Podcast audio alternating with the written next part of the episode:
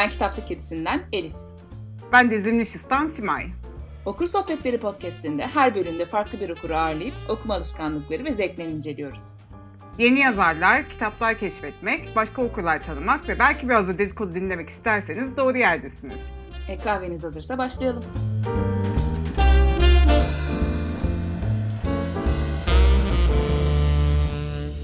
Bu bölümümüzün konuğu çağdaş dünya edebiyatı meraklısı, çiçeği burnunda Portekiz göçmeni bir okur, sevgili İrem. Hoş geldin İrem, nasılsın?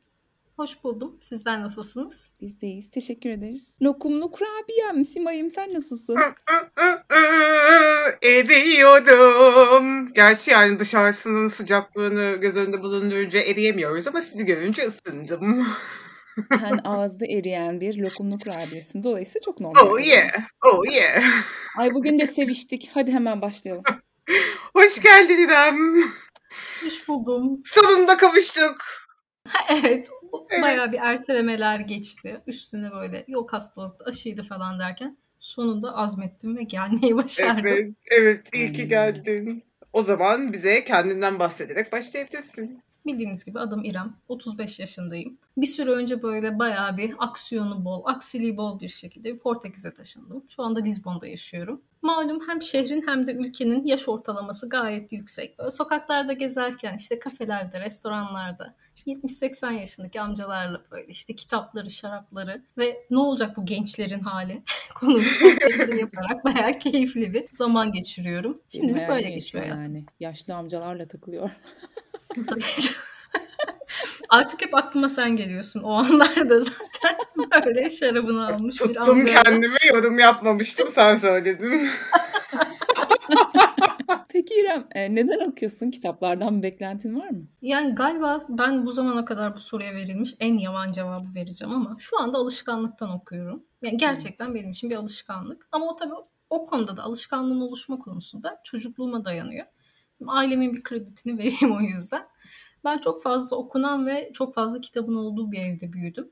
Ve bence asıl okuma alışkanlığımın gelişmesini sağlayan hiçbir zaman o kitaplara dair bir yasakla karşılaşmadım. Yani dönüp de ailem hiçbir zaman kızım sen 7-8 yaşındasın senin kitapların bunlar sen bunları okuyacaksın. Onlarsa bizim kitaplarımız onlara dokunma veya işte onları sen anlamazsın gibi bir şey demediler. Her kitabı istediğim gibi karıştırdım. Anlasam da anlamasam da kurcaladım. Bazen anlamadığım bir dilde bir kitap denk geldi ya da hiç okumayı bilmediğim bir dönemde. İşte o zaman da devamlı başlarında işte niye okuyorsunuz, ne anlatıyor bu kitap diye dolanıyordum. Onlar da böyle büyük bir sabırla anlattılar o hikayeleri bana kitapları. Ve o zaman şey oldu yani ben kreşte dinlediğim ya da anaokulunda dinlediğim masallardan çok farklı bir dünya olduğunu keşfettim kitaplarda. O yüzden kitaplar çok fazla ilgimi çekmeye başladı. Bir noktadan sonra da o kitaplığın içerisinde serüven devam ederken yine aslında okuduğumu çok net anlamasam, metaforlarına hakim olmasam da yazım tarzıyla çok farklı kitaplara denk geldim. O da bana şeyi öğretmişti işte. Bir kitap sadece karakteriyle, kurgusuyla ya da olaylarıyla değil, sadece yazım tarzıyla dahi seni alt üst edebilir ve dünyanı değiştirebilir gibi bir şey Hmm. anladım ve o zaman şey oldu böyle aa bunlar çok güzel gerçekten diye. Çünkü hiçbir yerde bulamayacağım bir dünyaydı. Bir yandan da ben şimdi olduğu gibi aslında büyürken de devamlı böyle göçebe bir hayat yaşadım. Çok fazla şehir ve ülke değiştirdim. Yani şimdi aslında artık böyle dünya dijital ve global bir durumda. Bir de yılların getirdiği bir deneyimden mi bilmiyorum. Expat olmak çok daha kolay. Daha hızlı bir adaptasyon sağlanıyor. Ama bahsettiğim yıllar 90'lar. Bir de üstüne bu hani çocuklar maalesef hepimizden, bütün insanlığın en acımasız dönemi bence çocukluk dönemi. O Hmm. dönemde çocuklardan oluşan bir topluluğa kabul edilmek ve kültürel farklılıkları aşmak çok zordu. Ben o süreci tamamen e, kitap okuyarak, onlara gömülerek Hmm. geçiriyordum. Ama bir nokta geldi ki ben o kitaplarla o kültürel farkların tamamını aşıp kendime bağlar kurmaya, yeni insanlarla tanışmaya ve dostluklar geliştirmeye başladım. O noktadan sonra da kitaplar artık benim hayatımın tamamen merkezine geldi bir alışkanlığa dönüştü. Ya tabii bu bahsettiğim alışkanlık aslında şey gibi de değil. Hani yeme içme nefes almak gibi değil de doğduğun şehre gittiğinde veya canın çok sıkıldığında otomatik olarak ayaklarının seni götürdüğü yerler vardır ya. Hmm. Nereye gitsem diye düşünmezsin bile dalıp gittiğinde bir yerde bulursun kendini. Onun gibi. Şimdi ne zaman böyle işte hani kafam çok dağınık toparlayıp düşünmeliyim ya da yeter artık bu kadar doluluk istemiyorum kafam dağılsın dedim ya da sadece beklerken mevcut zamana tahammül edebilmek için daim olarak okuyorum. Beklentim sadece beni hayata bağlamaları. Başka bir beklentim yok kitaplardan. Ne güzel anlattı değil mi? Hem kurtarıcın olmuş, hem arkadaşların olmuş, Evet. hem bilgi açlığını doyurmuş, hem seni yeni kültürlere alıştırmış, açmış. Daha ne olsun ya? Müthiş bir Yani alışkanlık. bu Yok. kitap daha ne verebilir ki bir insanın ne. Peki modern dedin, çağdaş dedin ama en çok tercih ettiğin türleri soracağız. O yüzden belki biraz ayrıntılı anlatmak istersin.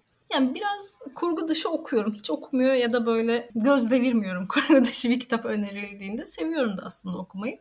Ama genel olarak elim hep kurgu kitaplara ve roman öykü türüne gidiyor. Çağdaş ve modern edebiyatta da aslında genel olarak böyle bütün dünya edebiyatlarını okumaya çalışsam ve hani bunu her sene daha fazla çeşitlendirebilmek için ya bunu hiç okumamışım bu ülkeden biraz da oraya bakayım desem de hala elim hep daha güvenli alan olarak Avrupa'ya gidiyor.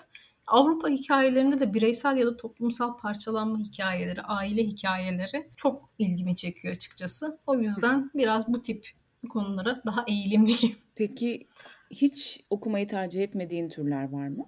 Var. Hatta bu bayağı çokça aslında. Öncelikli olarak korku kesinlikle. Yani korkuyu ne okuyorum, ne oynuyorum, ne izliyorum. Hiçbir şekilde bir iletişimim yok. Bir diğeri biraz spesifik olacak belki ama çağdaş Türk edebiyatının erkek yazarlarını tercih etmiyorum. Ya onda da böyle kadını e, nazik, kırılgan ve böyle biraz daha ince tasvir etmeye çalışıp aslında böyle bir ikinci sınıfa düşürme, kendini daha Hmm. üstün görüp eril övgü çok rahatsız ediyor. Üstüne bir de bu cinsel özgürlük kisvesi altında psikolojik, fiziksel ya da cinsel şiddeti övme noktasına geldiğini düşünüyorum artık. O yüzden çok da elim gitmiyor. Ha, aslında bunları erkekler olarak sınıflandırdım ama yani genel olarak bence Türk edebiyatının çağdaş yazarlarında bir dramın yetmeme sıkıntısı var. Yani bir karaktere bir hayat yazarken başlıyor işte bir eve, ebeveyn kaybıyla başlıyor. Daha sonrasında maddi kayıplar başlıyor. O da yetmiyor. Bir uzuv kaybı gelebiliyor. Yetmedi. Haydi bir de tecavüze uğrasın. Hmm. İşte kurduğu aile yıkılsın, dünyası yıkılsın. Ya evet çok sarsıcı hayatlar da olabilir veya biz bazen daha ağırlarını da okuyoruz ama bu da o kadar seri halde geliyor ki felaketler. Hayata dair hiçbir detaya girilmiyor. Böyle kör gözüne parmak sokarcasına bir anlatım çok rahatsız ettiği için genel olarak çok tercih etmiyorum. Ama bir Hikmet Hükümenoğlu'nu okumayı seviyorum. Hmm. Onu ayrı tutabiliriz. Hatta yakın zamanda Atmaca kitabını da okumaya niyetleniyorum. Onun dışında elim çok gitmiyor. Son olarak aslında bunu ne zaman dile getirsem biraz şey oluyor. Ben bu türü okumuyorum dedim ve bir kaşlar kalkıyor. Bana karşı bir ön yargı duvarı oluşuyor ama Uuu. klasikler cevabım. Hmm. Ama o da aslında yani klasikleri hiç okumadım, okumak e, ön yargısından ziyade gereğinden fazla okuduğum için artık böyle dayanamıyorum. Daha doğrusu okumadım, okutuldum. Bu bir okul travması Hmm. benim için. Ortaokul ve böyle lise zamanlarında hani zaten yeni bir dil yani dil öğrenim dilim çok fazla değişti. O süreçlerde yeni bir dile adapte olmaya çalışıyorum. Bir yandan önüme mütemadiyen zor bir metin olarak bir klasik geliyor. Ve onun bitirme tarihi var ki o bitirme tarihi benim hayatımın en büyük handikapıdır. Ne zaman bitirme tarihi gelsin çok rahat yapabileceğim bir şey bile asla yetiştiremem. O tarihin sonunda bir sınav bekliyor. Hem yazılı hem sözlü ve okuduğumuzu anladık mı değil. Bayağı bir tespit yapmanı, anlamanı bekliyor. Çok ciddi bir strese sokuyordu beni bu ve Hmm. nefret ettim. Hatta yani İşkenceye dönmüş. Hmm. Kesinlikle. Hatta okul bittikten sonra yaklaşık bir 17-18 yıl hiçbir şekilde klasik okumadım. O derece nefret ettim. Daha sonra böyle bir şey oldu. Ya ben hep sevmiyorum diyorum ama bir şeyler kaçırıyor muyum acaba diye. Aşk ve Gurur'u okudum. Mesela okuldayken okuduğumda nefret etmiştim. Ve şey yaşadım böyle bir. E bu çok güzelmiş. Bundan nasıl soğutabildiniz bizi diye. Değil mi? Evet Aslında işte ne o kadar tatlıymış. oluyor. O yüzden de böyle zaman zaman hala şey olduğunda biraz canım çektiğinde ya da çok merak ettiğimde evet okuyorum. Asla okumam diyemiyorum ama elim gitmiyor kesinlikle. Evet, böylesi bir travmadan sonra çok anlaşılabilir bir durum bence. O zaman senden en sevdiğin kitapları alalım bakalım. Başlayayım o zaman. Ya bu konuda aslında benim her ay böyle yeniler ekleniyor. O yüzden mümkün mertebe yakın tarihli bir şeyler koyayım dedim. Çünkü hani Süper. 5 yıl önce okuyup mükemmel dediğim kitabı hala aynı hisleri duymuyorum. O yüzden de biraz daha yakın tarihte okudum ya da işte hafızamda çok yer etmiş kitapları seçtim. E, Bunlardan birincisi insanlara böyle lütfen okuyun demekten yorulduğum bir Yarınki Yüzün üçlemesi var. Yani üçleme ama aslında bağımsız okunamadığı için bence tek kitap olarak da sayılabilir. Kitabın şimdi konusunu anlatıp böyle okur keyfini kaçırayım. Ne de böyle podcast'in süresini sonsuza uzatayım ama Kitabın ismi zaten genel olarak bütün seride ne göreceğinizi anlatıyor. Çok fazla ortalıkta dönen benim şu an çok da ezberimde olmayan ama hani senin yarınki yüzünü ben nasıl tanımam diye bir cümle geçiyor birinci ciltte. O cümle üzerinden kitabın bütün özetini çıkarabiliyorsunuz ve hem kendi üzerinizden hem tanıdığınız, ilişkiniz olan ya sevdiğiniz insanlar üzerinden geçmişi, bugünü ve yarına neye dönüşeceğini üzerine baya bir sorgular dönüyor kafanızda. Ve şeyi çok net bir şekilde anlayabiliyorsunuz. Hani evet insan rigid bir yapı değil. Hem karakter olarak hem düşünceleriyle veya kafa yapısıyla tamamen akışkan ve değişime uğrayan devamlı olarak ve iki yıl önce tanıdığın insanla bugün hiçbir şekilde aynı insan olamayacağını Hmm. çok tatlı tatlı anlatıyor. O yüzden de benim favorilerimde ve muhtemelen hani liste hep değişiyor desem de kolay kolay çıkmayacak. İkinci kitapta benim arkadaşlarıma hediye etmeyle ve de utanmadan bir de mütemadiyen taciz ederek diye sorduğum ve bütün arkadaşlarımda böyle şey hani favori bir kitap muhabbeti olduğunda dönüp bana ülkenin sonunadır dedikleri kitap ülkenin sonuna. Ee, Siren kitaptan çıkıyor. David Grossman'ın yazdığı bir kitap. Hmm. Evet çok kalın, yorucu bir okuma. Ya hem uzun hem de yorucu bir okuma. Çünkü bayağı bir ağıt aslında o kitap. Hı. Bu e, bitmeyen Filistin-İsrail savaşını, her iki ülkenin de savunma bakanlıklarının gayet gençlerin hayatlarını kamusallaştırıp sahiplenip ellerinden almaları ve kaybolup giden hayatları ve ne için gittiğini, ülkenin aslında kime ait olduğunu her iki tarafında çözemediği, objektife yakın bir bakış açısıyla verilen bir ağıt bu. Ve o ağıtı böyle e, hem barış yanlısı hem de üstüne bir evladını bu savaşa vermiş İsrail bir gazetecinin elinden okumak. Güzel diyemiyorum, çok sarsıcı ama insanın hayatında böyle bir ya biz ne yapıyoruz dünya olarak? Niye sınırların bu kadar bir önemi var? Niye bu kadar ayrışmak zorundayız? Veya neden birlikte yaşamak gibi bir kavrama alışamıyoruz? O çok güzel böyle sorgulatan kitaplardan bir tanesi. Üçüncü kitapta biraz böyle bir kurgu dışı gibi. Çünkü e, Janet Winterson'ın kendi otobiyografik hikayesi. Hmm. Normal olmak varken neden mutlu olasın? İsmiyle bile insanı böyle direkt yakalayan, acaba ne anlatıyor diye düşündüren bir şey. Bence hem queer edebiyat açısından hem de yazarın kendisiyle bazı noktalarda hatalı düşünceleri olsa da bu kadar net bir şekilde yüzleşmesi çok kıymetli ve hani insanın kendine dürüst olması zaten zor bir şey. Üstüne bir de milyonlarca insanla bunu paylaşıyor. O ayrı bir konu ve okuduğunuzda şey oluyor. Evet ben de aslında bazı şeylerimi sorgulayabilirim. Neden hep tabu haline getirip üstünü kapatıyorum ki buna aile de dahil. İşte büyüdüğün toplum da dahil ya da büyürken gördüğün ideoloji de dahil. Ona yakın bir şekilde hissettiren bir de geçen sene okuduğum bana kendime notlar olmuştu. Yani bu iki kitapta da aslında şey vaat etmiyor. Ben sana edebi bir şölen yaşatacağım ve beni okuduğunda hayatın değişecek demiyor. Ama kendi kendine hayatını değiştirebileceğin en önemli şey aslında dürüst bir şekilde ya ben hayatımda bazı şeyleri yaşadım, çöktüm ama bunlar neden oldu? Ben ne yaptım da eksik kaldı diye kendini suçlamak değil ama kendi hatalarını da kabullenerek bir yüzleşme yapabilmek adına bence insanı cesaretlendiren kitaplardan. Hı hı. O yüzden bu üçü favorim. Aslında bunlar daha da uzardı ama ben böyle iflah olmaz bir resimli kitap okuruyum. Ve maalesef Hmm. bence resimli kitaplar biraz kıvrılan, ayıptır söylemesi ay- uyduruk olarak görülen ve insanların yani işte onu okuyunca sen kendi kitap mı okudun sanıyorsun dediği kategoriye giriyor. Allah Allah. Sen onların isimlerini ver bana. Hemen parçalar bak. Allah. Direkt şey yapacağım zaten.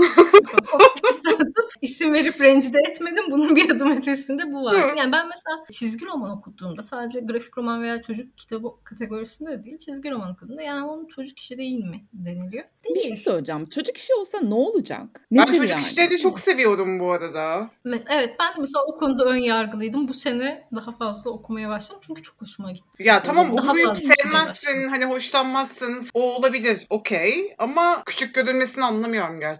Kesinlikle çok aşırı saçma. O zaman hepimiz akademik makaleler okuyalım. Romanlar da tırt gerçeği yansıtmıyor. Ee, onları O da çok fazla var ya. Yani siz kurgu okuyarak bir şey mi öğrendiğinizi sanıyorsunuz? Yani İsrail Savaşı'nın Evet. İsrail'in içinde bazı tepki toplayan noktaları olduğunu gayet Evet. bir roman okuyarak öğrenebiliyor insan. Sinirlendim yine kamu şu an. spotu da bu olsun. Arkadaşlar Olsun. Simay çok sinirleniyor. Lütfen hiçbir kitabı aşağılamayın. Beni çıldırtmayın. Siz kimsiniz diye sorarlar. Sen devam et İremcim yoksa biz ranta devam edeceğiz. O zaman O yüzden de 3 tane de grafik roman seçtim. Bunlardan Yaşasın. birincisi Gün Gezgini. Ki bence Gün Gezgini hiçbir şekilde ben grafik roman okumayı sevmiyorum, asla okumam diyenler dahi okuyup sevebilir. Çünkü hem çok güzel renklerle ve çizimlerle süslü ama aynı zamanda okuyacak çok fazla bölüm var. Yani okuduğunuzda bir novella okumuş gibi bir şey hissediyorsunuz. Hmm. Bu kitaptaki böyle aslında her sayfada neredeyse ölümün altına kalın bir kalemle çiziyor. Böyle üstünüze atıyor. Ama bu kadar ölüm konusunun geçmesine rağmen hayatın ne kadar anlık olduğunun, bazı tercihlerin ya da önceliklerin hayatınızda ne kadar büyük değişiklikler yapabileceğini, bazı şeyleri kaybediyorsanız ya da yanlış anlaşıldığınızı düşünüyorsanız biraz da kendi tercihlerinizde kendinizi kaybediyor olabilirsiniz diye çok güzel bir sorgulama bırakıyor. İnsanların dediğim gibi gayet böyle resimli kitaptan ne öğrenebilirsin dediğinde işte hayatındaki tercihlerini sorgulamayı öğretebilecek kitaplardan bir tanesi. İkincisi Ne parantez. güzel söyledi be. Neyse. Aynen. Böyle dediğini oturttu resmen değil mi? evet. İçimiz soğudu birazcık İrem. Teşekkür ederiz. Ee, İkincisi parantez. Bu da aslında biraz kurgu dışı çünkü çizerin kendi hikayesini anlatıyor. Kendisi bir üniversiteden mezun oluyor. Çizerlikle ilgili güzel bir kariyer planlıyorken bir anda böyle bir şeylerin yolunda gitmediğini fark etmeye başlıyor ve daha doğrusu insanlar fark ediyor. İlk önce bir asabileşmeye başlıyor. Sonrasında evet doğru galiba deyip doktora gittiğinde beyninde bir tümör oluşumu olduğunu ve bunun bir epilepsi geliştirdiğini öğreniyor. Ve yavaş yavaş ilk önce psikolojik olarak zaten büyük bir çöküntü geliyor. Arkasından hem hafızasının hem de motor becerilerinin tamamen böyle siliniş süreci başlıyor. Ve gerçekten aslında bir dibe vuruş hikayesi. Artık tamamen bakımı için ailesine muhtaç, çizim becerisini tamamen kaybediyor. Ama yavaş yavaş da tedavisiyle aslında o kuyunun derinliğinden çıkışını, emekleyerek de olsa çıkışını görüyorsunuz. Mesela kitabın içerisinde o hastalık döneminde elini ne kadar kullanamadığına dair yaptığı karalama çizimler de var. Ama bir yandan Ay. okuduğunuz romanı da kendisi çizmiş. Nereden nereye tekrar geri dönebildiğini gösteriyor. Of, Ya evet. özellikle de böyle hayatı bir hastalıkla rayından çıkmış. Sonra yıllar sonra tekrar o rayı oturtabilmiş ya da hala oturtmaya çalışan. Ya da işte bunu yaşayan birilerinin yakınında olup ne yapacağını bilemeyen insanlar için yine bir çok büyük bir destek sağlayan bir şey. Hem birincisi umut veriyor hem de e, kitabın sonunda çizerin de evet uzun yıllarımı aldı belki ama şimdi iyiyim. Oraya takılmadan ben yoluma devam edebilirim. Şimdi bir hayatım var diyebilmesi. Çok ciddi bir motivasyon kaynağı. Yani bir kitaptan evet bunu alabilir misiniz o dönemde? Evet alabilirsiniz. Benim için de çok özel bir yeri var. Benzer bir hikayeye sahip bir insan olarak. O Hmm. yüzden de umutlanabilirsiniz diye gerçekten o umuda ihtiyacınız oluyor ve bu kitap size onu veriyor aslında. Hmm. Özellikle de böyle bir annesiyle olan bir bölümü var. Tamamen siyah olarak çizilmiş. Yani gerçekten aslında doğduğu haline geri dönüp tamamen annenin bakımına ihtiyacı varken annesiyle o ilişkisini anlattığı nokta hala böyle beynimde zaman zaman Hmm. geçen Ah hikayelerden. Üçüncü kitabım Sıradan Zaferler. Bu kitap zaten hem ismiyle hem çizimleriyle böyle ironik mi diyeyim ters köşe yapmaya yeminli mi bilmiyorum. O kadar güzel çizimleri var ki böyle oku, çizimleri sadece incelediğinde insan şey oluyor. Ay pamuk gibi olacağız şimdi bunu Ya. okuyunca diye. Ama beni ağlatmayı başarmış tek grafik roman olabilir. Aslında gerçekten de Aa. sıradan bir insanın hikayesini anlatıyor. Ana kahraman bir savaş fotoğrafçısı bu alandan çıkıp başka bir alana geçmeye çalışıyor.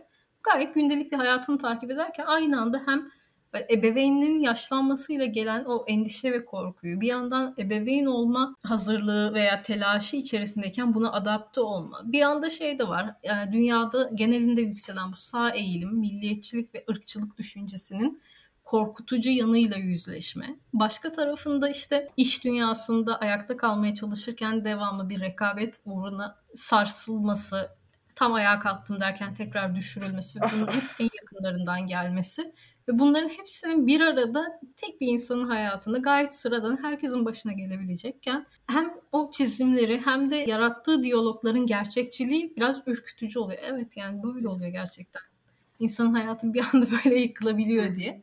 Çok etkileyen ve çok kıymetli. Muhtemelen hani hayat boyu 5 tane çizgi roman okunacaksa mutlaka bir tanesi sıradan zaferler olmalı diyebilirim. Bu şekilde 3 grafik yani uyduruk.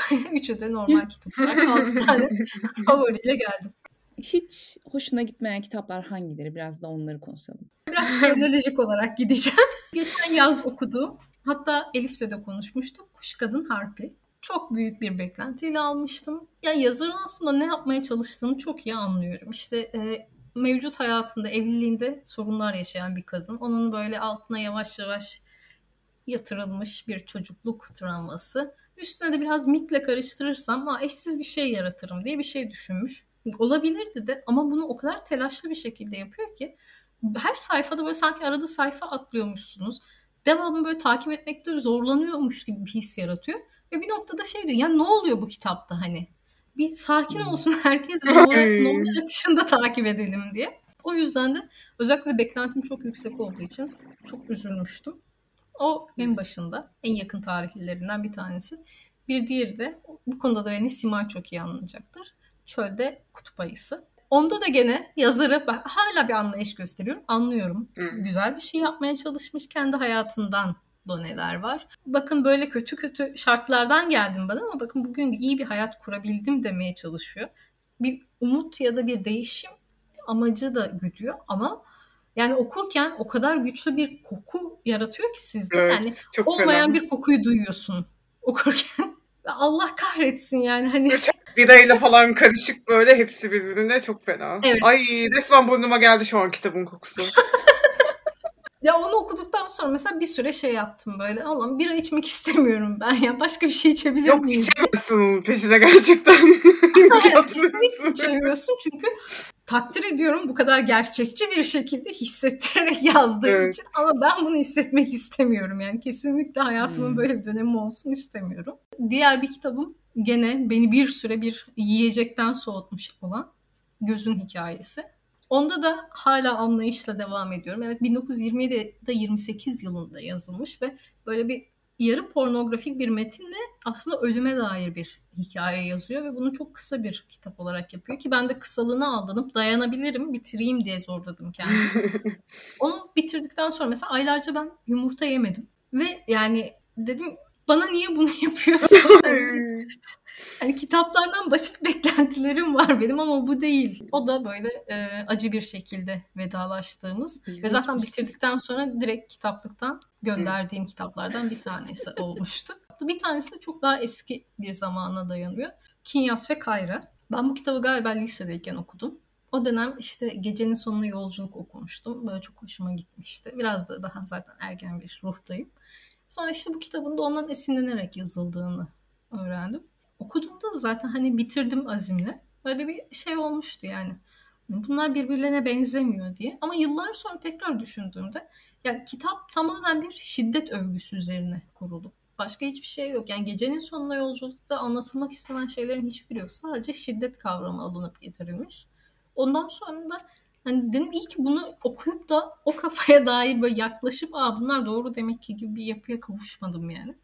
O yüzden de bir daha Hmm. hiçbir şekilde okumayı düşünmediğim kitaplardan ve yazarlardan zaten. Bunu da spoiler olarak.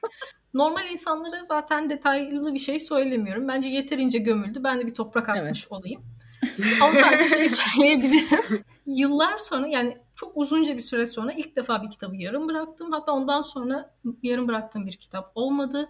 Hani diğerlerine bir anlayış gösterebiliyordum. Bunda o da yok. Hani ne anlatıyorsun sen? Gerçekten senin derdin ne? Bir oturun konuşun çözebilirsiniz diye. Hmm. Yorulduğum ve yani ben artık bu yolda devam edemeyeceğim diye bıraktığım kitaplardan bir tanesi olmuştu. Peki demin bahsettiğin çizgi roman dışında seni ağlatan kitap oldu mu? Ben bu soruyu hep böyle dinlerken benim çağlatan kitap olmadı herhalde diye düşünmüştüm.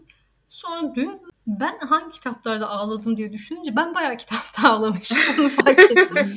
Çünkü favorilerimde bahsettiğim Ülkenin Sonuna da bu kitaplardan bir tanesi. Bu kitabı okurken zaten insan böyle bir doluyor yani. Hani düğüm düğüm dizilmeye başlıyor insanın boğazına. Ama yazarın son sözü aslında beni ağlatan. O son sözü okuduğumda artık hani gözyaşlarım şey dedi yani biz artık dayanamayacağız gidiyoruz diye. Oturup ağladığım kitaplardan bir tanesi oldu. Daha sonra e, Dul var. Fournier'in karısını kaybettikten sonra küçük notlar halinde yazdığı ve yani hiçbir süzgeçten geçirmeden yazdığı için o notları sadece bir eş kaybı olarak değil de sevdiği, tanıdığı bir insanı kaybeden herhangi birinin böyle bir travmalarını biraz kazıyacak. Ama böyle bir duygudaşlıkla da Hmm. evet ya ben yalnız değilim bu hisler konusunda diye şey yapan ama yani ağlamak konusunda tutamayacağı garanti gibi bir şey değil. Ee, Bir diğeri de aslında kadın yok savaşın yüzünde. Zaten Svetlana Alekseyevich bizi böyle kör kuyulara atıp merdivensiz bırakmak, insanlık tarihinden ve kurulu düzenden nefretimizi hep böyle canlı tutmak için yazıyor gibi hissediyorum. O kitapta aslında ağlama sebeplerinden bir tanesi evet çok korkunç süreçler yaşanıyor. Ama bir yandan da nerede olursa olsun savaşta bile olsa kadının gene ötekileştirilebilirliği, savaşta savaşırken bir kahramanken savaştan döndüğünde işte cephede erkeklerle kim bilir neler yaptı şeklinde Hmm. damgalanıp o kahramanlığının elinden alınması, kadınlığının elinden alınması korkunç rahatsız etmişti. Hani bir kısmını üzüntüden bir kısmını da böyle söylenerek, söverek sizin erkekliğinize ya da sizin Hmm. gururunuza diye öfkeden ağlamıştım. Evet bayağı bir ağlamışım ben. Peki sorgusuz sualsiz okuduğun yazarlar kimler? Bu listeye benim muazzam şuurum sonucu ilk ismin rahmetli bir yazar olması gerçeğiyle Ee, ama boyut değiştirmese muhtemelen daha çok kitap yazardı deyip Sir Terry Pratchett'ı söyleyeceğim. Hmm. Terry Pratchett hakkında aslında çok fazla ön yargı var. Özellikle de Disk Dünya'nın ilk iki kitabını okuduktan sonra şey olarak düşünüyor insanlar. E bu çocuk kitabı. Bir noktada Bak şimdi bak başlatacaksınız beni yine şimdi bak ha. Göz Yani devirmekten gına geldi. Başlangıç kurgusu biraz öyle. Hatta deli dolu basarken bunun e, bandrollerini ilk iki kitabın çocuk ve genç kitabı olarak almış. O derece. Yani yayıncısı da bu kategoriye sokuyor. Ama aslında Terry Pratchett'ın biraz şey durumu var. Dünyada çok fazla şeye öfkeli. Ayrımcılığa öfkeli, kadınlara karşı olan bakış açısına, dengesizliklere genel olarak aslında sisteme öfkeli bir isim. Ama bu Evet. öfkesini mizah üzerinden absürt bir dünya yaratarak bunun üzerinden kusan bir insan. O konuda da gene biraz kendimle özdeşleştirebildiğim benim de genelde hani ya şakaya vuralım bunu da yok gibi atlatalım. Deliliğe vuralım geçsin Hmm. bakış açımda. Yani çok iyi anlıyorum. Benzer şeylere karşı öfkeliyiz. O yüzden de çok seviyorum okumayı açıkçası. Hani hem insanlara ya bu çok güzel diyorum. İnsanlar genel olarak belki haklı onlara göre işte 41 kitaplık bir seri saçmalama diyor. Ama ben şu anda mesela o 41 kitabın sonunu görmemek için beklete beklete çok ihtiyaç duyduğum anlarda okuyorum. O yüzden benim için çok kıymetli bir yazar. Bir diğeri Rachel Cusk. Bu da aslında Hmm. biraz böyle şey e, insanları ikiye bölen bir yazar. Bir kısım diyor ki işte bir kadının neden biz gündelik dertlerini dinliyoruz diye. Bir kısım da şey diyor e, dert değil kendimle duygudaş buluyorum. Veya bazı benim kaçırdığım noktaları onun yakaladığını görüyorum. Çünkü bazı tespitlerini insanlar aforizm olarak yazmış diye düşünüyor ama hayır altında aslında çok da dolduruyor. Ve mesela en basitinden çok bilinen çerçeve üçlemesinde yazarın devamlı yazarken bir kendini öne atıp bütün kurguyu kendi çevresinde koyup sonra bir geriye çekilip başka bir kitapta insanlarda neler dönüyor ben böyleydim ama çevrede ne var şeklinde git geldi bir kurgu stili var. O açıdan benim çok hoşuma gidiyor. Ne yazsa hepsini okuyamasam da en azından ne yazsa alıyorum. Bekliyorlar bir gün okunacak diye. Diğeri zaten en başta üzerine konuştuğumuz Javier Marias. Dediğim gibi çok e, insanı ikilemde bırakan bir tarzı var. Ya sevmiyorum diyen bir insan "Ay, nasıl- neden sevmiyorsun diyemem. Hani çok kolay veya e, sempatik bulunacak yanları yok. Zaten işte deliliği malum. Kendine verilen ödüllerin hiçbirini kabul etmiyor. Dediğim gibi bence hani Nobel komitesi de biz bu deliyle uğraşmayalım diye Nobel listesine geri atıyor olabilir yani. O yüzden Nobel alamamasını oraya bağlıyorum biraz. Ee, bir diğeri Edgar Keret. Öykülerindeki o yarattığı dengesiz dünyadan çok büyük bir zevk alıyorum. Beni açıkçası böyle gerçeklikten tamamen sıyırıp Aa, bambaşka bir dünyadayız. Aslında bu dünyadaki kötülüklerin hiçbiri yok yani. Orada bir kötülük var ama bana zararı yok gibisinden okuduğum bir yazar.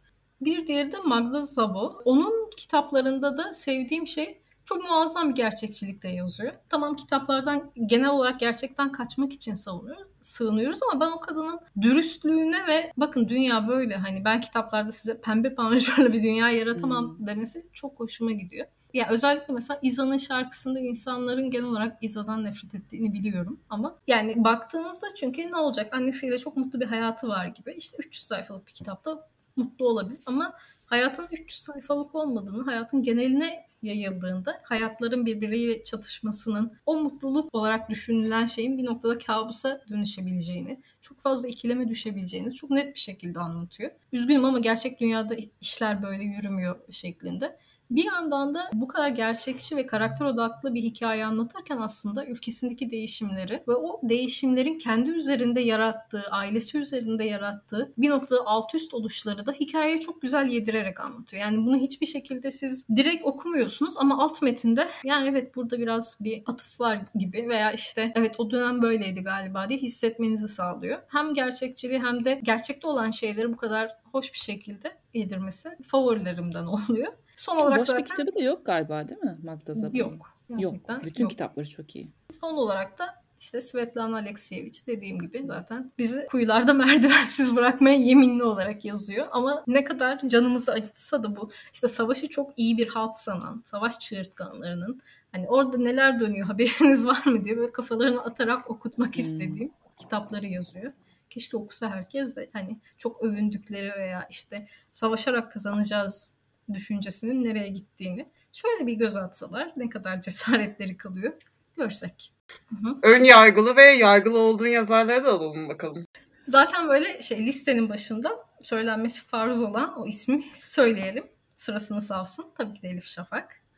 Bir itiraf olarak da Metis yıllarında evet okudum. Acı bir itiraf olarak da evet Pinhan ve Mahrem'i okuduğumda hoşuma gitmişti. Ama yani o kadar ilişkimiz. Daha doğrusu o kadar da kalmadı. Özellikle bu Booker'da ödül için e, aday olduğunda yabancı arkadaşlar falan da nasıl okumazsın ya? Hani hem de bir Türk olarak falan dedi. Dedim sevmiyorum. Türk olduğum için okumuyorum. Ben işin iç yüzünü biliyorum. Siz Aynen öyle.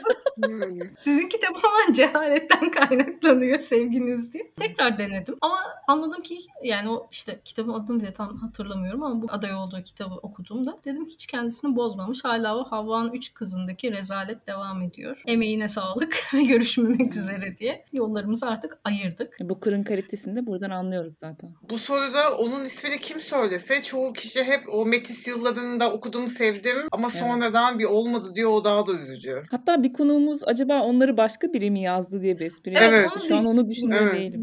Gerçekten insan şey yapamıyor yani bu ikisi aynı insanın elinden çıkmış olamaz. Ya da hani normalde yazarlık yazdıkça gelişen bir şeyken nasıl bu kadar geriye doğru gitti diye insan bir sorguluyor yani. Hani diğer bir ismim tabii ki de e, George Bataille Gözün Öyküsü'yle. Bir okudum ve bütün yeterli bilgiyi aldım. Genelde bazı yani pek çok yazarla şey oluyor hani bir kitabı kötü ama diğerlerini bir dene. Hani belki kötü bir kitapla başlamışsındır diye şans tanıyarak gidiyorum. Ama bunda yani şans tanıyacak gücü hissetmedim kendimde. Hmm. Bir Hmm. yazarda eksik kalsın ne fark eder diye. Bir diğer yazar e, Michel Houellebecq. Çok denedim. Üç Hmm. kitabını okudum onun da. E, temel parçacıkları okudum. E, İtaati okudum. Bir de kuşatılmış yaşamları okudum. Yeteri kadar Zaten kendi okumuşsun zaten. ülkesinde de bir şey ya tartışmalı bir durumda. Yani ya Evet, nefret ediyorlar ya çok seviyorlar. Ortası yok. Bu listede aslında bir de Orhan Pamuk var. Orhan. Pamuk'u da yine üçlenenlerden üç defa denedim. İşte Kara okudum. Benim adım Kırmızı'yı okudum. Daha sonra pandemi döneminde tekrar bir şans vereyim dedim. Yeni Hayat'ı okumaya başladım. Dedim ki yani neden zorluyoruz ki? Olmuyorsa olmuyor. Ama bu ara çok fazla ya kara kitabı bir dene bak anlayacaksın o zaman deniliyor. Ama mesela şeyi de fark ettim. Portekiz'de de ben Orhan Pamuk'un çok fazla sevileceğini düşünüyordum. Çünkü Saramago ile olan da bir ilişkisi var. Ama insanlar böyle yani şey olarak bakıyor biraz. Evet popüler anlıyoruz. Hani Nobel'li bir yazarınız var. Ama çok da tercih ettiğimiz bir yazar değil. Neden bu kadar yerlere göklere sığdırıldığını anlamıyoruz tadında bir bakış açıları var. Böyle bir Hmm. sarılasım geldi. kendi vatandaşım değil de Portekiz'de anladı diye. Ya orada da sanırım Hmm. şey de etkili. Saramago'nun halkın pek çok tabakasıyla ilişkisinin olması gayet e, alttan gelip yukarıya çıkarken ve her zaman halkın yanında bir çizgide durması, bütün özgürlüğü ve eşitliği getirme çabasına destek vermesi çok kıymetli bir hale getiriyor. Ama Orhan Pamuk'a baktığında galiba yabancı yani en azından Portekizli okurlar onu göremiyor. Yani üst tabakadan gelen bir insanı sizi ne kadar yansıttığı meçhulken neden bu kadar seviyorsunuz diye soranlar oldu. Dedim yani bunu anlayabilmek için illa Portekizli mi olmak gerekiyor? Peki takip ettiğin okuma listeleri ya da kitap ödülleri var mı? Listeler olarak önce challenge'lar konusuna girelim. Gerçekten ben Kitaplık Kedisi Elif'in challenge'ını takip ediyorum. Ayrıca Geçen sene tamamlamayı da başardım. Her sene başarıyorum. Hatta bu sene 3 Woohoo! kitabı tamamladım bile. Yani öyle bir tempoyla gidiyorum. Bir de işte herkes gibi bizim büyük challenge'ımızı takip ediyorum. Galiba onu da hani 2016'dan beri veya 2017'den beri yani neredeyse başladığından beri takip etmeye Hmm. çalışıyorum. İki challenge'da da bence maddeleri seçimi ve hani böyle bir kafa yorulduğu da belli. Size yeni kitaplar bulduruyor. En basitinden ben geçen Hmm. sene Slovak bir yazar maddesinde hiç beklemediğim bir güzellikte kitapla tanıştım. Aa, Yani ne? bu bile yeter benim için. Hangisiydi? Direkt Elif'ten kopya çekmiştim. Çünkü aradım bulamadım. aradım bulamadım. Artık aralık geldi. Dedim ki yani hani yeni bir şey olmayacak. Ben Elif ne okuduysa izinden gideyim diye. Direkt peşinden gittim. Hani bu tip challenge'lar evet hoşuma gidiyor. Normalde mesafeli olduğum türlere de yaklaşmamı sağlıyor. Mesela çocuk kitabı geçen sene okudum. Bu sene tekrar okumak istiyorum ya. Hoşuma gidiyor dedim. Ve hala okumaya devam ediyorum kenarda. Yaşasın. Diğer açıdan ödüller konusunda bence yani birkaç sene öncesine kadar neredeyse böyle bütün edebiyat ödüllerini takip ediyordum. Merak ediyordum yani acaba bu yıl kim alacak işte Aa, uzun listede kimler var kısaya kimler kaldı diye. İncelemeye çalışıyordum okuyabildiğimi okumaya çalışıyordum ama artık böyle bir sosyopolitik bir çizgisi var bu ödüllerin. Hatta yeterince böyle gündemde olan öne çıkan her şeye hakimseniz ve oturup matematiğini çıkararak Hmm. gayet ödüle oynayan bir kitap yazmak çok da zor Hmm, değil. O evet. yüzden de yani yeterince hayal kırıklığı da yaşadım. O yüzden de dedim ki yani olmuyor bu kenarda. Ama magazine olarak hala takip ediyorum. Hakim almış falan diye bakıyorum. Ama oturup takip edip ay bunları okuyayım işte kısa listeyi de tamamlayayım gibi bir derdim artık yok. Ama yeni kitap bulmak için ne yapıyorum dersen artık yazarların listelerini kurcalıyorum biraz. Böyle sevdiğim yazarların listelerinde hele de böyle birkaç tane kitap uyuşuyorsa şey oluyor. Aa iyiymiş bu. Bütün liste direkt radara giriyor. Bazen de şey oluyor tamamen. Hiç okumadığım bir yazarın listesiyle karşılaşıyorum. Böyle çok güzel kitaplar var. Hem liste giriyor hem yazar giriyor listeye. Artık tamamen o şekilde takip etmek daha mantıklı geliyor. Bu da şahane bir taktikmiş yalnız. Aynen öyle. O zaman İremcim hazır mısın şimdi ezberini test etmeye? Hazırım. Ezberimde olan bir şiir veya alıntı.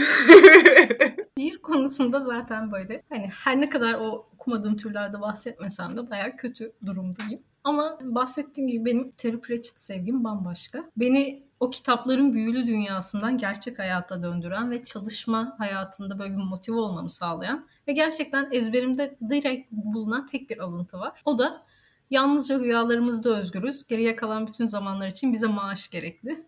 Böyle bir anda kendime gelmemi, hayata geri dönmemi sağlayan bir alıntı. O yüzden de ve en şeyi benimki oldu. Bütün duygusallıktan uzak, gayet realist bir tokat gibi ama Evet. beni de uyandırıyor en azından. Hayatımda her daim hatırladığım Hı. bazı şeylere tahammül etmek için yapacak bir şey yok diye gözümün açılmasını sağlayan alıntılardan. Peki İrem favori bir kurgu karakterin var mı? İki tane var aslında. Birincisi zaten böyle her sorunun cevabı gibi giden disk dünyada bütün böyle belalı olaylara bulaşan ama bütün aslında beklentisi hani ma- maceralar söz konusu olduğunda ben sıkıcı ve uzun bir ömür istiyorum diyen Rincewind karakteri. Çok kendimi buluyorum çünkü benim de hayattan beklentim Bebeğim. tamamen o. Böyle içimde bir yaşlı teyze yaşıyor çünkü hani böyle tadımız kaçmasın, rahat rahat oturalım huzur içinde diye. Ama aksilik dönüyor dolaşıyor bir şekilde içli katıyor beni. Ama beklentim evet tamamen uzak kalması bunun. İkincisi ise biraz enteresan olacak bu. Çünkü sanırım benden önceki konuk nefret daha doğrusu sevmediği karakterlerde adını zikretmişti. İza'nın şarkısındaki İza. İza'yı sevme sebebim aslında yani sevgi de değil böyle bir şefkat göstermek istiyorum ona. Kişisel bir, özel bir şey olarak. Çünkü böyle yıllar önce uzunca bir süre bir ailemin yanına gidemediğimde bir arkadaşımla konuşurken şey demiştim ya ben annemi çok özledim demiştim. Çok uzun zamandır göremedim diye. Arkadaşım da işte babasını kaybetmiş ve uzun yıllardır annesine destek olarak yaşayan birisiydi. Dedi ki yani anneni özleyebilmek o kadar güzel bir şans ki bilemezsin. Yani ben de çok isterdim annemi özleyebilmeyi. Ama bir yandan onun hayatını tamamen destekleyerek ve en iyi hayat yaşamasını istiyorum.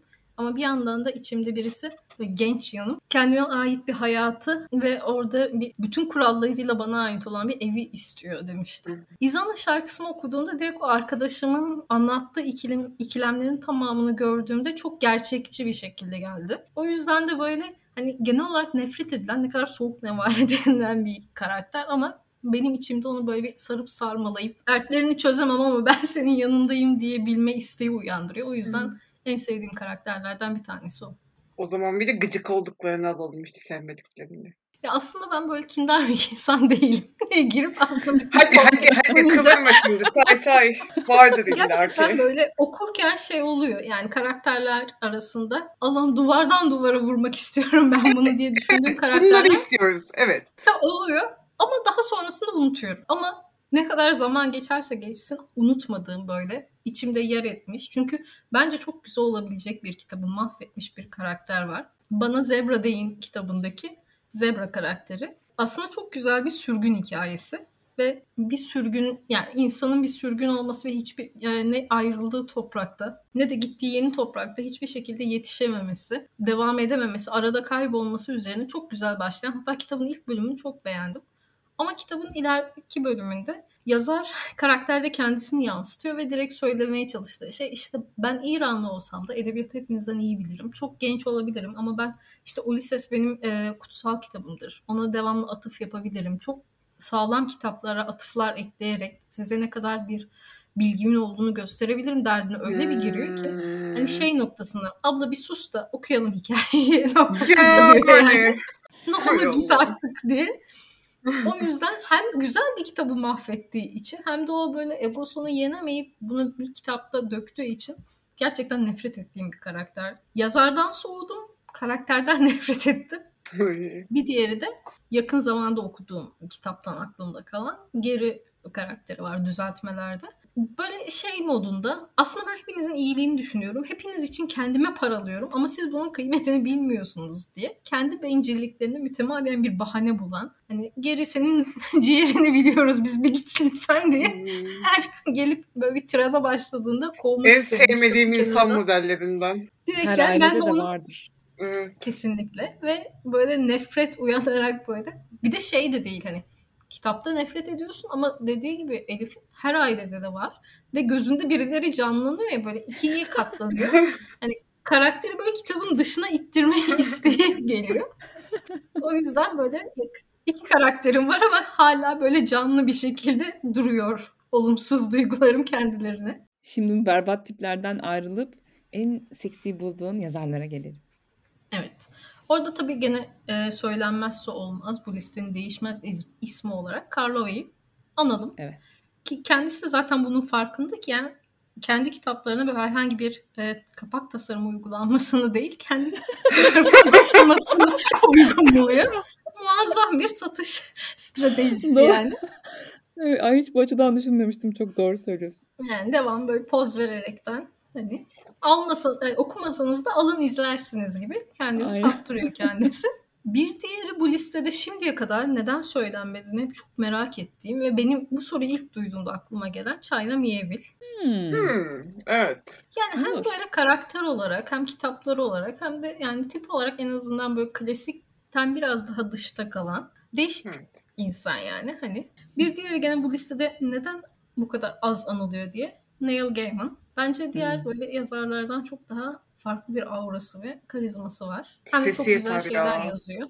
Kesinlikle. Böyle bazı kitaplarını şey yapıyorum yani Storytel'de denk geldiğimde kendi seslendirmesi denk geldiğinde tekrar okuyor olsam da direkt düşüyorum yani. Kadınlardansa Clarice Lispector zaten bir de Jhumpa Lahiri kesinlikle çok farklı bir aurası ve kendine has bir karizması var. Yani hayran olduğum kadınlardan bir tanesi böyle baktığında insanın biraz daha bakası seyredesi geliyor. Ne kadın be diye böyle içinden geçiriyor. Peki İrem, içinde yaşamak istediğin bir kitap var mı?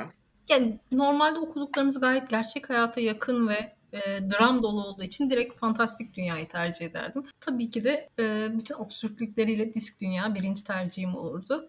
İkincisinde de böyle olaylara karışmadan yanda izleyici kategorisinden yerdenizde olmayı çok isterdim. Peki, şimdi bizimle paylaşmak üzere seçtiğin temayı ve kitaplarını dinleyelim senden. Ben temayı seçerken açıkçası kendimden yola çıktım ve bahsettiğim gibi bu konar göçer hayatın getirdiği kaçınılmaz şey olarak göçmenlik, köksüzlük ve aidiyet duygusunun yoksunluğu temasını seçtim. Çiş. Çünkü Portekiz'e taşındıktan sonra çok fazla şey soruları gelmeye başladı. İşte kalıcı olarak mı yerleştiniz yoksa geçici bir süre mi oradasınız diye. Benim için kalıcılık çok kayıp, boş küme gibi bir kavram. Çok fazla şehir ve ülke değiştirerek gelince bir noktada ben artık bu geçişlerde kayboldum. Hani gittiğim her yeni şehir ya da ülke benim için böyle bir mola noktası gibi. Bir gün eve döneceğim ben şimdi moladayım diyorum ama dediğim gibi kayboldum ve artık ev neresi bilmiyorum. Bu aslında üzücü de bir şey ama buna üzülmek yerine ben ev kavramını daha çok böyle sevdiğim 5 insan var. Onlara indirgedim. Onların yanında olduğunda ya da onlarla konuşurken evdeyim. Onlardan çok uzun süre uzak kaldığında bir ev hasreti çekiyorum. O yüzden de konumu da bu şekilde seçmek istedim. Hem belki ilgisini çeken veya merak eden birileri vardır nasıl bir his olduğunu veya üzerine ne yazıldığına dair. O yüzden de bunlardan seçeyim dedim. Birinci kitap e, Gidiyor Gitti Gitmiş. Aslında bu gayet modern zamanda şu anda da gündemde olan Avrupa'daki mülteci krizine odaklanıyor. Bir yandan mültecilerin işte ailelerini, köklerinin olduğu vatanlarını da bırakıp ne bileyim hayatlarını tamamen bırakıp çok tehlikeli bir yolculuğa çıkıp hayatlarını gene riske atarak yeni bir toprağa gelip orada kök salma, hayatta kalma savaşları var. Ama geldiklerinde ne kadar uyum sağlamaya çalışırlarsa çalışsınlar. E, kitapta da gayet böyle karikatürize edilen keskin Avrupa yasalarıyla karşılaşıyorlar ve duvara tosluyorlar. Ve çarptıkları tek duvar da aslında yasalar değil. İkincisi de e, klasik ön yargı teması. Kitapta verilen bir örnek çok mantıklı aslında. İşte kilolu bir mülteci görüldüğünde ya da laptopu olan bir mülteci görüldüğünde işte bunu alabildiyse kesin hırsızlık yapıyor. Yoksa onu sahip olamaz. Çünkü hmm. kafamızda maalesef genel olarak insanlığın kafasında bir mülteci kavramı var. Ve o sınırların dışına çıkılmasından hoşlanmıyoruz. Batı dillerini biliyorsa ya da iyi bir eğitimi varsa şüpheyle yaklaşılıyor. Hani bu kadar eğitimli de neden burada gibisinden bu konuda biz de farkında olmadan hani bu gö- görmekle bakmak arasındaki fark gibi evet normalde şey olarak bakıyoruz. Hayır hiçbirimiz ırkçı değiliz. Ama içine dönüp bakıldığında yani evet benim de ön yargılarım vardı gibi bir yüzleşmeyi sağlıyor. Hı-hı. Ama bu kitabı benim için bu kadar özel yapan şey göçmenliğin iki farklı halini gösteriyor. Bunlardan birincisi işte bahsettiğim bu mülteciler. İkincisi ise Kitabı böyle bir emekli bir profesörün gözünden takip ediyoruz. Ama bu profesör Doğu Almanya doğumlu ve e, günümüz Almanya'sında yaşıyor. Aslında göçmen olmak ve köklerini kaybetmek için illa böyle kıtalar aşmaya gerek olmadığını, şehir, mahalle hatta evini bile değiştirmeden bir anda köklerinden ayrılıp bambaşka bir ülkede kendini bulduğunu görebiliyor insan ve e, yazarın kendisi de aslında Doğu Almanya doğumlu birisi ve kendinden yola çıkan yanları da mevcut zaten. Ama o işte profesörün hem günümüz Almanya'sına adapte olması hem de bir yandan da kafasında hem de alışkanlıklarında aslında o Doğu Almanya'yı yaşatıp ikisine de tam olarak ait hissedemeyip arada kalmışlığı çok güzel bir ve çok da akla gelmeyen bir göçmenlik stilini anlatıyor. O yüzden çok sevdiğim kitaplardan bir tanesi. İkinci kitap bir öykü kitabı. Ödlekler Cesurdur. William Saroyan zaten kendisi haricinde bütün ailesi Bitlis'te doğmuş ve e, Amerika'ya göç etmiş bir Ermeni. Kendisi de Amerika'dayken doğuyor. Ve hikaye yani aslında bir bakıma her açıdan öteki konumunda. Hem doğduğu ülkede kökenlerinden dolayı göçmen hem de ayrıldığı köklerin olduğu ülkede zaten öteki durumunda olduğu için bir göç yaşıyor. Ama okumayı sevmemin sebebi ise bu mağduriyet edebiyatına hiç girmeden o köksüzlüğü, hiçbir yere ait olamama duygusunu çok yalın ve ajitasyona hiçbir şekilde uğramayan ve aslında büyük bir hoşgörülü bir dille anlatıyor. O beni çok etkilemişti. Bir de şey var bu kitapta işte genel olarak zaten hem kendi ailesi hem de o ailesinin çevresindeki benzer göçmen ailelerin izlerinden yola çıkarak yazılıyor. Bir yerde şey diyorlar işte hani Amerika'ya gelmişler hala kendilerini burayla bir bağ kuramıyorlar. Çünkü orayı kendi vatanları ve kök saldıkları bir alan görebilmeleri için bir sevdiklerini kaybedip o toprağa onu vermeleri gerekiyor. Kök salmak kavramının sadece mecazi değil de bu kadar net bir şekilde gerçek bir anlamla kullanılması gerçekten çok etkileyici gelmişti. Aynen çok güzelmiş. Bir diğer şey de her ne kadar aslında bir aidiyetsizlik olsa da e, William Saroyan aslında Türkiye'ye sadece bir kere geliyor. Ya 64 yılında ya da 67 yılında. Ama buna rağmen yani bütün Amerika hayatı Amerika'da geçmiş olmasına rağmen İngilizce, Arapça, Kürtçe ve Türkçe biliyor. Bu bile aslında bir aidiyet ihtiyacı duyması ve kökleriyle bir şekilde bağ kurma hikayesi gibi. Evet. Sadece bu tema olarak değil, öykü seven herkesin aslında çok hoşuna gidecek muazzam öyküleri de var. O da bir öneri olarak kalsın arada. Temanın üçüncü kitabı e, Sempatizan. Bu beni çok şaşırtan bir kitap olmuştu. Çünkü genel olarak dediğim gibi ödüllü kitaplara biraz mesafeliyim. Bu da 2016 yılının Pulitzer ödülünü kazanıyor. Özünde ana hikaye aslında Vietnam Savaşı sırasında bir e, casusluk hikayesi ve gayet akıcı bir şekilde merak unsurunu daimi canlı tutarak sizi elinden bırakmadan okutuyor. Ama benim listemde olma sebebi anlatıcı olan casusumuz yarı Fransız yarı da Vietnamlı olarak Kuzey Vietnam'da doğuyor. Güney Vietnam'da büyüyor ve üniversite hayatını Amerika'da geçiriyor. Nereden baksanız bu Vietnam Savaşı'nda her yerin ötekisi konumunda tek başına şekilde. Ve her biriyle iletişime geçip onlarla çalışabiliyor çünkü bu karmaşa, karmaşanın içerisinde artık nereye kök salacağını bilmiyor. Tamamen köksüzlüğün getirdiği bir özgürlüğü yaşıyor. Ama yani bunu yaşamasının sonucunda da dediğim gibi hepsiyle çalışıp e, objektif bir bakış açısıyla bunu anlatar anlatırken kitabın bence en etkili yanlarından bir tanesi bütün karakterlerin bir ismi varken anlatıcının o bağımsız kalan yanının isimsiz olarak geçmesi hiçbir şekilde bir isme sahip değil. O isimsizlik ve köksüzlük eşleşmesi kitabın en sevdiğim yanlarından bir tanesi. Dördüncü kitap Ana Yurdu Fernando Aramburu'nun kitabı. Çok da fazla okunduğunu görmedim aslında. Evet biraz hacimli bir kitap ama yakın geçmişe dair en azından İspanya yakın geçmişine dair güzel bir kitap. Dost olan iki Bask ailenin arasına bir cinayet girmesi ve bu alan bu konuda bir gelişimle açılıyor hikaye. Ama aslında bu Bask ailenin ikisi de e, ETA'yı destekliyor ve öldürülen taraf aslında zengin olan kategoride ve düzenli olarak maddi bir yardım yapıyor ETA'ya. Bir noktada ama bunu artık ödeyemez bir noktaya geliyor. Çünkü e, gelirinin çok üstüne çıkıyor talep edilen para ve parayı ödemediği için öldürülüyor. O noktada da işte benim listemde olma sebebi aidiyet duygusunu oluşturan şey nedir veya bir e, toplulukla sizi bağlayan şey nedir? Çünkü silahlı güç olan kesim sizin o toprağa ait olup olmadığına maddi bir konuyla karar verebiliyorsa o zaman vatan dediğiniz şey nedir? Savunduğunuz ideal nedir? Bir yere ait olmak ne kadar gerçekçidir diye.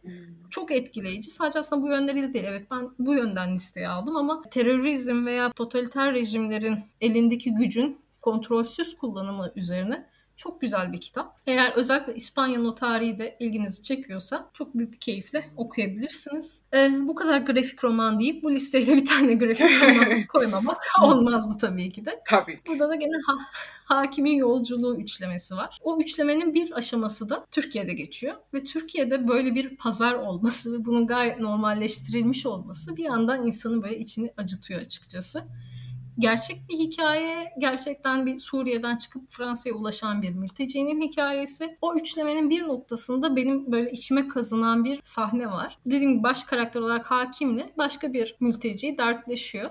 Ve hakime diğer mülteci şey diyor. Hani bizi beş para etmez vasıfsız insanlar olarak görüyorlar. Ama aksine biz vasıflı olabildiğimiz için buradayız. Belli bir eğitime ve paraya sahip olabildiğimiz için onların beş para etmez dediği vasıfsızlar şu anda geride kalmış bombalar yağarken o şehirde ölmekle meşgul. Hem ön yargıları düşündüren hem de hani bizim o gördüğümüz mülteci kavramı aslında o savaşın veya bu problemin sadece bizim gördüğümüz yüzü. Bir de geride kalan ve kötü şartlarda bile olsa yaşama hakkını hiçbir şekilde kazanamayan bir kesim var onunla yüzleştirmesi açısından üzücü ama bir noktada da aslında bu kadar global bir sorunken mültecilik herkesin biraz böyle empati kurabilmesi için bence okuması açısından önemli. Ve gene bu kadar ağır bir konuda çok tatlı, pamuk gibi çizimlerle anlatıp biraz daha okumaya hani okuruna da biraz destek olan grafik romanlardan. Bir tane de kurgu dışı ekledim. Kitabın adı Barbara Cassie'nin yazdığı Nostalji. İnsan ne zaman evindedir. Zaten çok kısacık bir kitap. İsmiyle her şeyi anlatan bir kitap. Hem Yunan mitolojisine hem de e, yakın tarihe dayanaraktan böyle can alıcı basit örneklerle benim gibi böyle kayboldum evim neresi diyen insanlara çok güzel bir şekilde cevap veren bir kitap. Ve kitabın cevabı aslında şu. Nostalji insanın ev evindeyken hissedebildiği bir şeydir. O yüzden nerede nostaljiye kapılıyorsanız orada evinizdesinizdir diye. Ya. Ben de işte aslında biraz bu kitabın etkisiyle Aa evet ben o e, sevdiğim insanların yanında geçmişi ve onlarla olan geçmişimi çok fazla anıyorum. Demek ki benim evim orası. İlla bir şehre ait hissetmeme gerek yok kendimi dediğim kitaplardan. O yüzden de dediğim gibi çok kısa ve hani ya bu cevap arıyorsanız ya da o köksüz kalıp arada kalmışlığın nedenlerini merak eden herkes için gayet basit bir dilde anlatıyor. Bu da bir öneri olsun. Bir tane de bonus koydum. hani tamam ben bu konuyu merak ediyorum ama hani çok da yorulmak istemiyorum. Biraz daha rahat bir okuma olsun. Konusu biraz sürüklesin diye düşünen varsa. Zaten e, kadın kurgu ödüllerinin de kazananı olarak da Yuvamıza Düşen Ateş. Bu da zaten hem 11 Eylül hem de IŞİD'in yükselişi üzerine çok böyle bunları biraz yani ön planda tutmasına rağmen çok detaylarına girmeden göçmenliğin arkasından gelen o vatandaşlığın size ne zaman gerçek bir vatandaşlık kazandırdığını hani bir kesim evet göçmen ama İngiliz yani bir kesimin sadece İngiliz pasaportu taşıyan pakiler olarak adlandırılmasını çok güzel bir hikayeyle yani sürükleyici de bir hikayeyle devamlı böyle merak etmenizi sağlayıp elinizden bırakmadan takip edebileceğiniz bir yandan da o göçmenliğin ve asimilasyon diye bakılan şeyin ne olduğunu güzel bir şekilde anlatıyor. Bu da böyle basit hani beni çok yorma ama hadi biraz bir göz atayım diyen olan varsa bir öneri olarak kalsın. O zaman dın dın dın. Harry Potter mı Orta Dünya mı? Böyle simaya bakmadan, utanaraktan orta dünya. Geç canım geç hadi. Anısı Tamam, büyük. hemen. Yoksa şey değildi. Tamam. Seni Geçiniz. üzer miyim ben? Geçiniz. En doğru cevabı aldıktan sonra bir sonraki soruya hemen geçiyorum Simay'ın isteği üzerine. Tabii ki de. Peki şimdi ne okuyorsun İrem? Şimdi gene böyle doyamadığım için o konudan konuya atlamalara Marias'tan Beyaz Kalp okuyorum. Bir Hmm. yandan da hani daha da betimleme olsun. İyice böyle bir betimleme şeyleri denizlerinde kendimi kaybedeyim modunda. İskenderiye Dörtlemesi'nin ikinci kitabı Baltazar'ı okuyorum. Bu iki Hmm. kitap sabit bir okumam. Bir yandan da benim bir kayıp zaman izinde savaşım var. Oo Daha önceden diliyoruz. iki defa iki defa başlayıp böyle birinci kitaptan sonra Allah'ım ben bunu yapamayacağım diye bırakmıştım. Şimdi böyle günde birkaç sayfa okuyup hani bir yıla yayarak biterse biter bitmezse artık bu kaybedilmiş bir savaştır diye pes edeceğim. Öyle kenardan kenardan onu okuyorum açıkçası. Sırada neler var peki? Sırada normalde böyle artık okumadım demeye utandığım için büyücüyü okuma planındayım. Bir Hmm. diğeri de e, Rachel Cusk'ın Second Place. Ama bunların arasında bir de senin önerinden sonra çok ilgimi çeken arkada da Terry Pratchett'i gördüğüm anda zaten aklıma alan çatal dili konuşan son insanda listede direkt ön sıralara geçti. Sırada bekliyor. Böyle okunacaklar planlarını bozan kitaplara bayılıyorum. Ben de en sevdiklerim aslında onlar yani. Şahaneymiş. İrem iyi ki geldin. Ağzına sağlık. Müthiş bir program oldu. Ben de dahil eminim birçok dinleyici gerçekten bir sürü kitap katacak okunacaklar listesine. Evet. Ne Güzel. diyeyim valla iyi ki geldin. Arkadaşlar İrem'le zevklerinizin bir olduğunu düşünüyorsanız kendisini Instagram'da Merixyen kullanıcı adıyla bulabilirsiniz. Biz zaten her zamanki gibi açıklamalarda da ismini yazacağız. Hadi Simay. Çü çü çü çü çü.